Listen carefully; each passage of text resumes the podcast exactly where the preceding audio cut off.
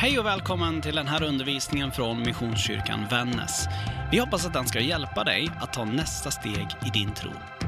Är du intresserad av mer från oss eller vill kontakta oss så hittar du allt det du behöver på www.missionskyrkanvannas.se eller på de vanligaste sociala plattformarna. Välkommen hem!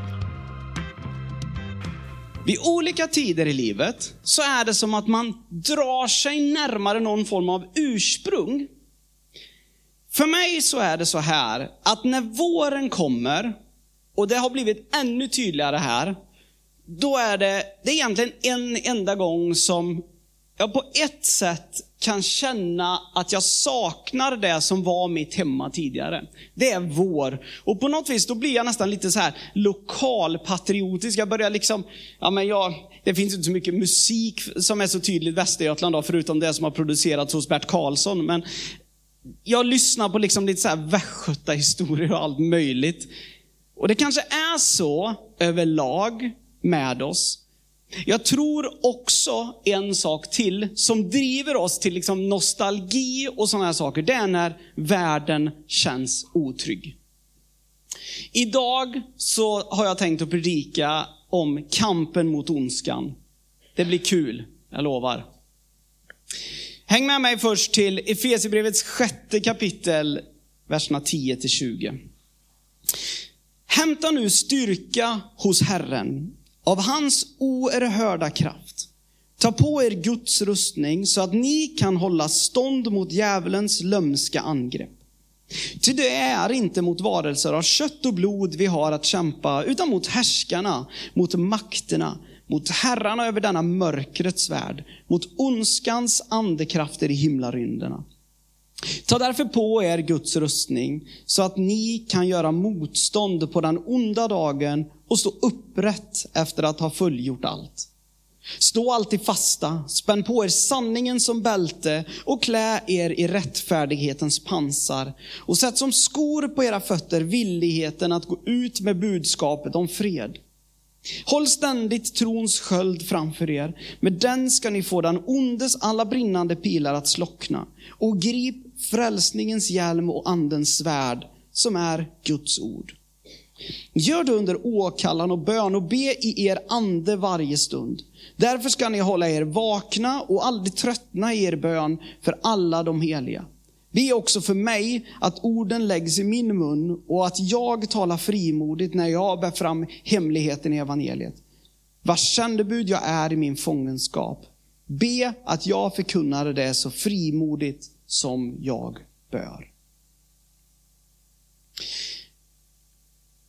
Det här med att tala om ondska, om djävulen och om synd, det är många gånger utmanande för oss, tror jag.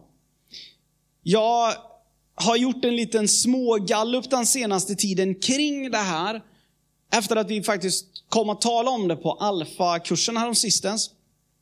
Och så ja, men pratar jag med lite människor jag stöter på. Delvis bland elever som jag möter på Liljaskolan.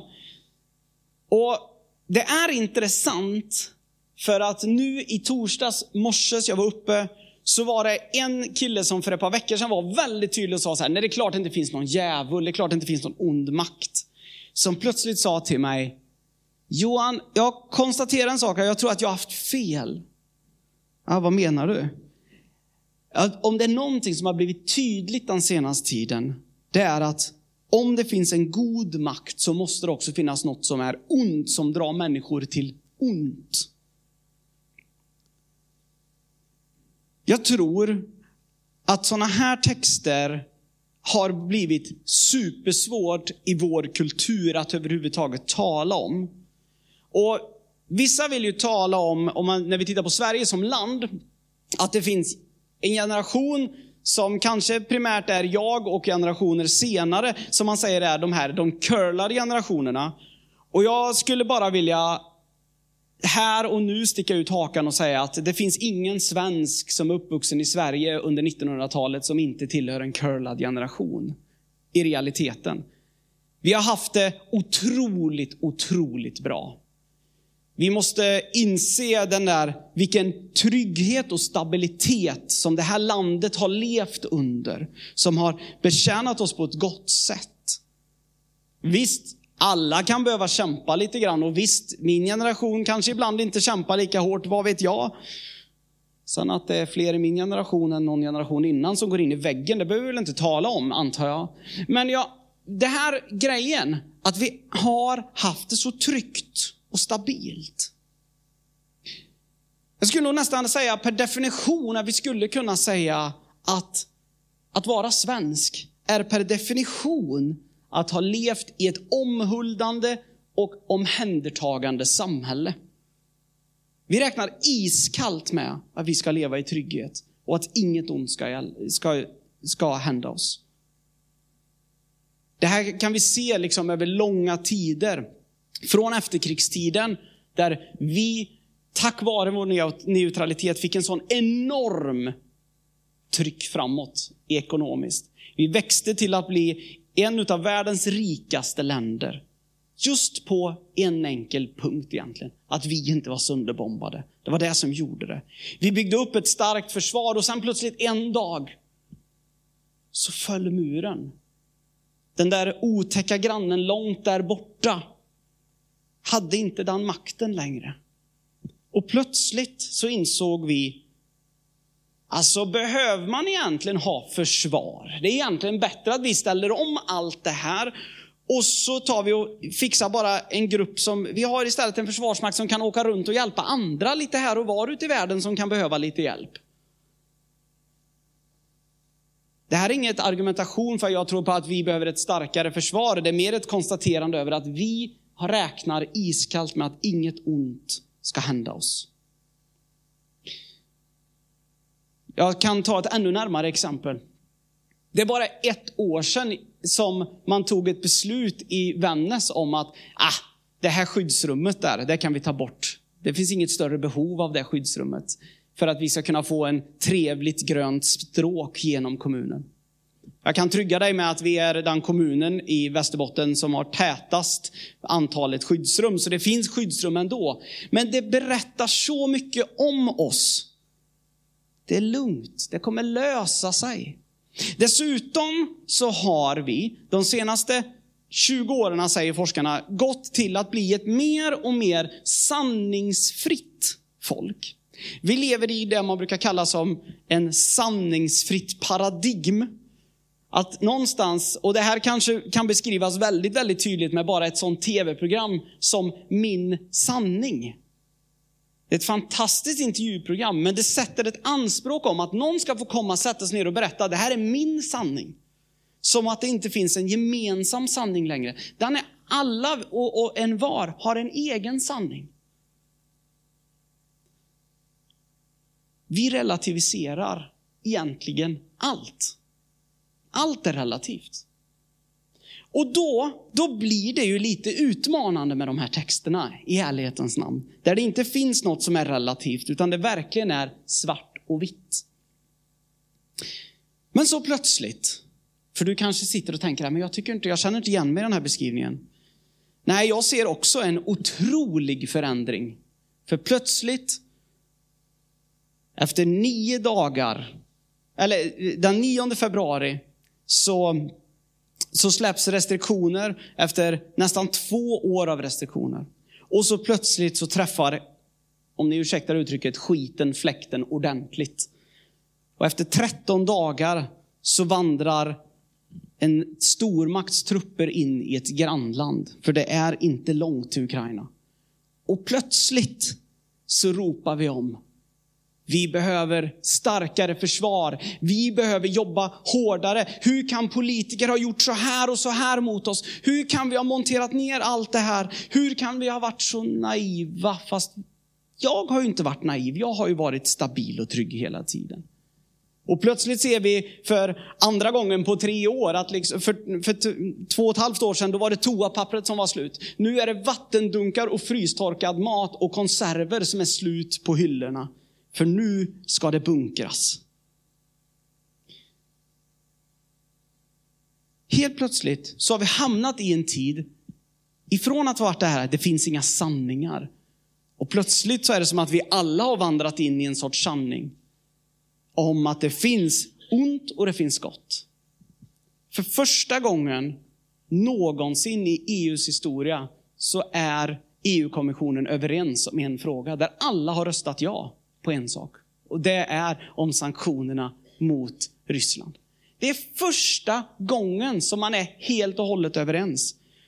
Är inte det ett sanningsanspråk så vet jag inte vad sanningsanspråk är. Vi har sagt, här är felet. Jag har till och med hört och läst den senaste tiden, icke-kristen media refererar till en despotisk president i ett grannland som djävulen själv.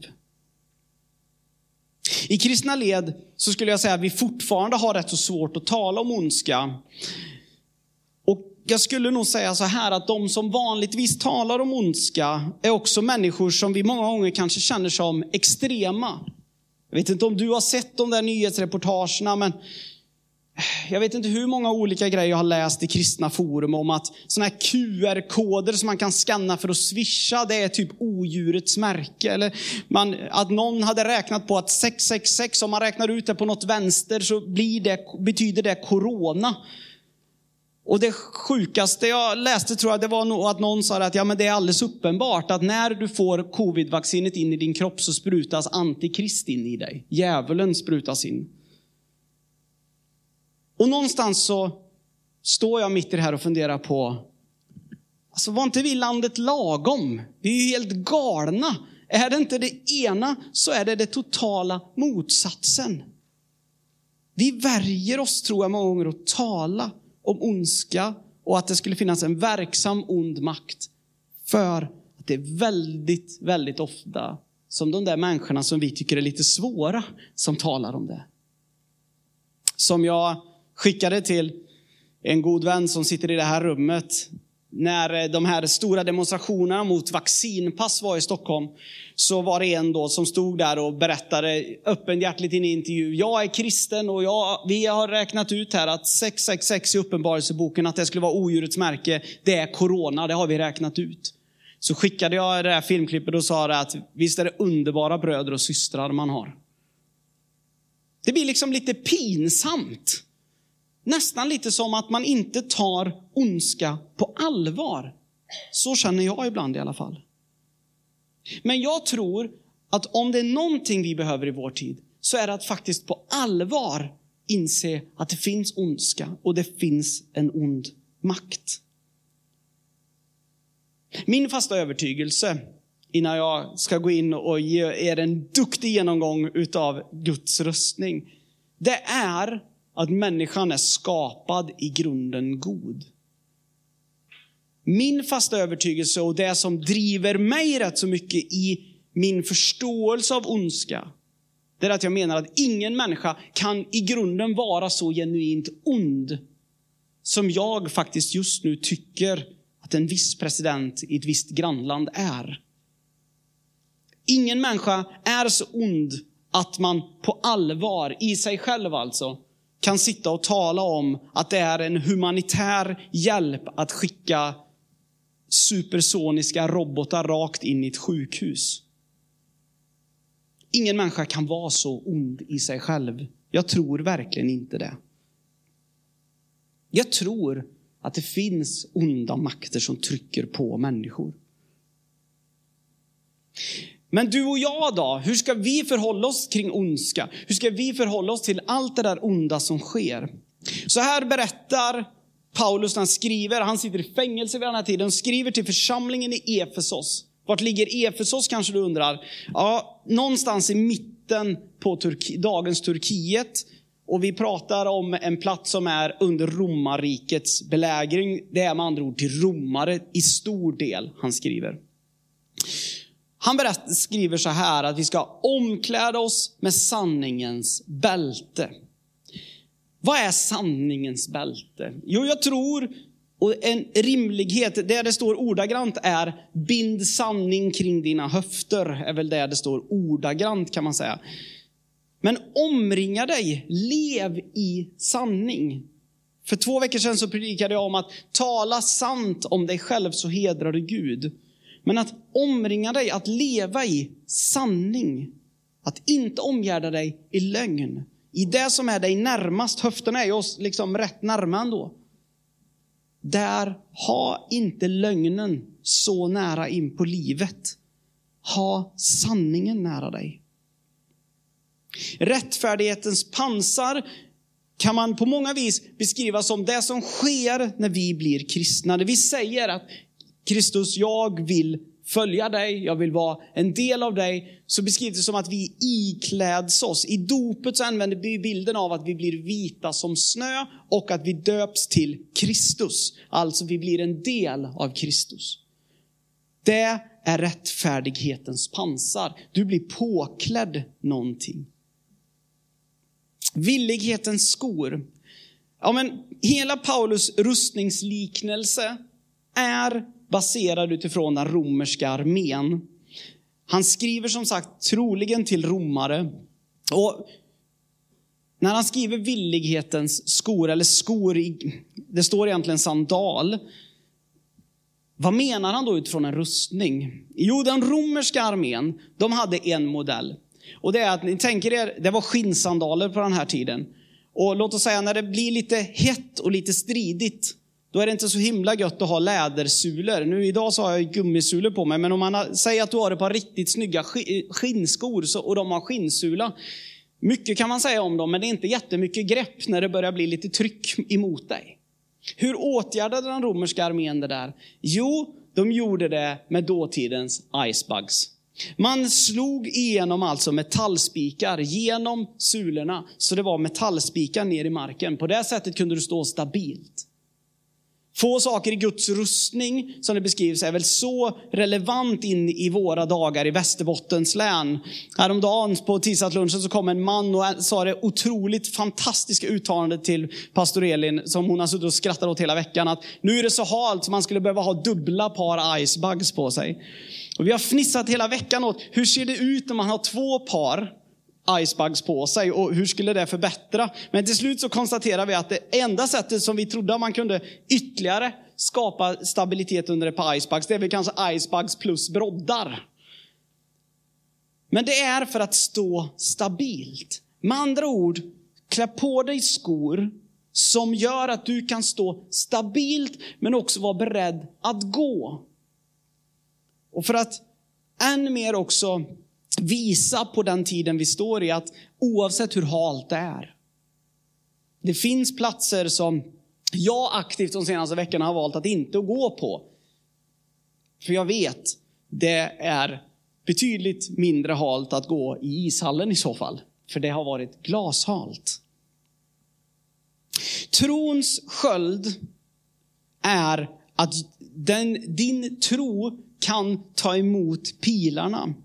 Här så är det grekiska ordet tyrion, eller oböjt tura. Och tura är det grekiska ordet för de här stora romerska sköldarna som de romerska soldaterna hade. En romersk sköld, den är inte så här liten och barnslig som man ofta så här, kör så här, köper så här riddarkit när man var liten. Det var ju liksom en rund som ett brunnslock. Nej, de romerska trupperna, de hade en, en sköld som var en meter hög och en halv meter bred och lite böjd.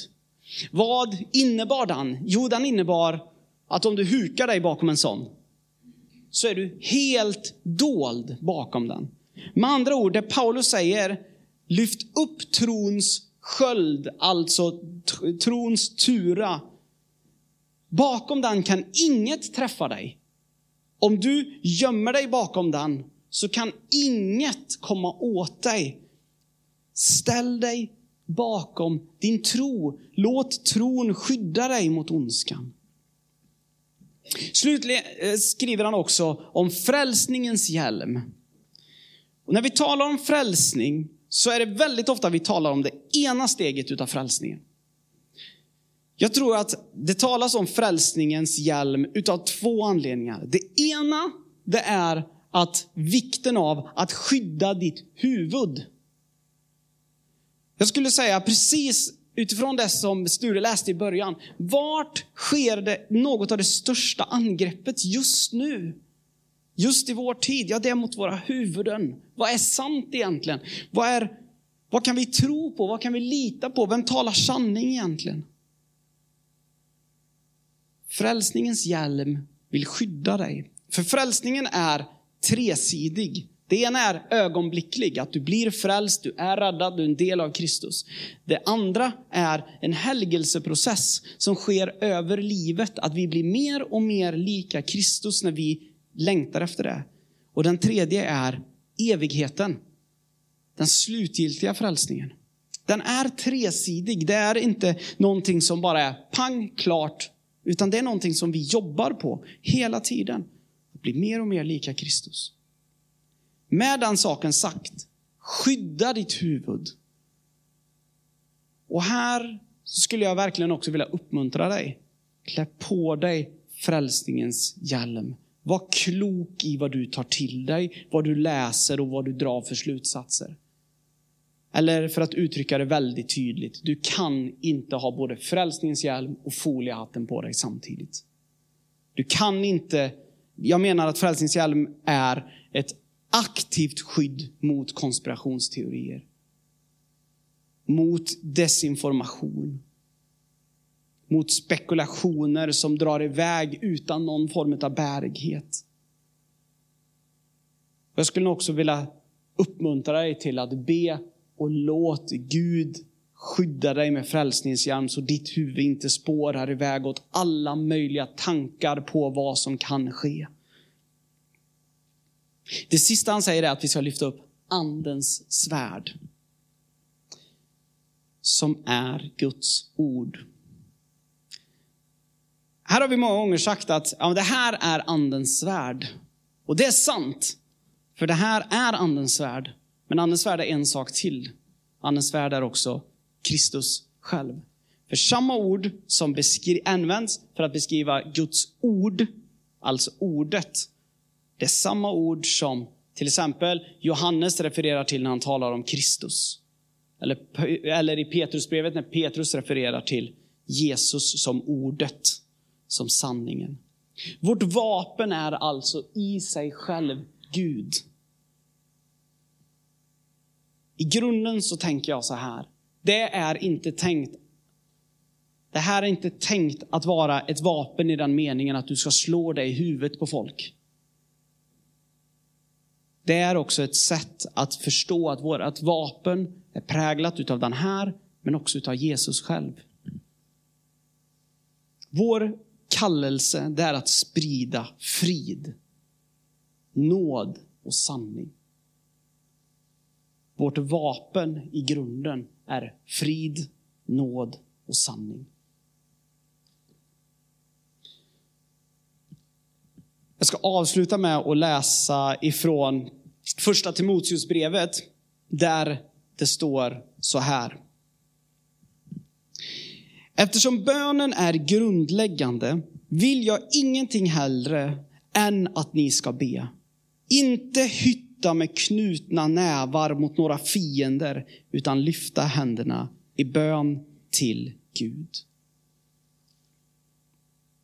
Eftersom bönen är grundläggande vill jag ingenting hellre än att ni ska be. Inte hytta med knutna nävar mot några fiender, utan lyfta händerna i bön till Gud. I kampen mot ondska, iklädda allt det här i skyddet Gud vill ge oss, så är också vår primära uppgift att be, be och be. Inte hytta med näven. Inte utkräva blodsoffer. Inte att utkräva hämnd, utan att be, be, be. Vi lever i en tid som är utmanande. Vi lever i en tid då vi kommer att ha oroligheter betydligt mycket närmare oss än vad vi har haft tidigare. Vi lever i en tid då vi kommer få se människor som kommer från krigshärd, en krigshärd komma till våran plats, det som vi kallar hem. Där ska vi möta, där ska vi vara kärleksfulla och ta emot. Men i vår irritation, besvikelse gentemot den där makten som utövar den där ondskan, så ska vi be. Ditt och mitt vapen mot Putin är bön. Ditt och mitt vapen gentemot alla som vill hota är bön.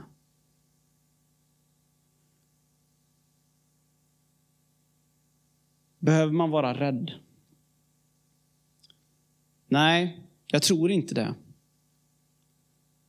Jag fick eh, i veckan uppmuntran från, vi hade ekumeniskt möte med de andra kyrkorna och hade kommunchefen på besök där vi faktiskt tittade på hur kommer framtiden se ut med den mängden flyktingar som troligen kommer komma.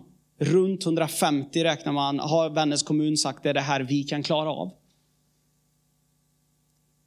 Och de som de uttryckte mot oss, för första gången någonsin om man jämför med flyktingkrisen, säg 2015, då var det Migrationsverket och Länsstyrelsen och sådär som var med. Nu är det Migrationsverket och det är Länsstyrelsen, absolut. Men nu är också Säpo och Försvarsmakten med. För det är också en säkerhetskris. Men de betonade med all önskvärd tydlighet och verkligen det här att Försvarsmakten hade hälsat till kommunchefen, vilka ni än träffar, uppmuntra dem till att säga, just nu ser vi inte ett större hot mot Sverige. Vi ser inte det. Hotet är inte större idag än igår. Men var inte naiva. Och jag tänker att det här är så viktigt att komma ihåg. Vi ska vara trygga. Vi ska räkna iskallt med att vi lever i ett tryggt land. Det ska vi göra. Men vi ska inte vara naiva. Vi ska vara reella. Och under tiden ska vi fortsätta kampen för att sprida frid. Och om du tillåter liknelsen, på, samma vid, på det sättet som just nu vidrigheter sker i Ukraina, där det skjuts för döda, så är din och min uppgift att bomba det här samhället med frid. Bomba den här världen med frid. Och att be om frid och fred för denna jord. Hej, det här är pastor Johan. Så roligt att du lyssnat på den här podden ifrån oss. Jag hoppas att den har fått betyda något för dig och min bön det är att det du fått lyssna till, att det faktiskt har gett dig praktiska verktyg för ditt liv framåt. Vill du veta mer om oss så spana gärna in vår hemsida. Där finns också fler poddar och undervisning. Har du lyssnat genom Spotify eller till exempel en poddapp så får du mer än gärna prenumerera på vår kanal.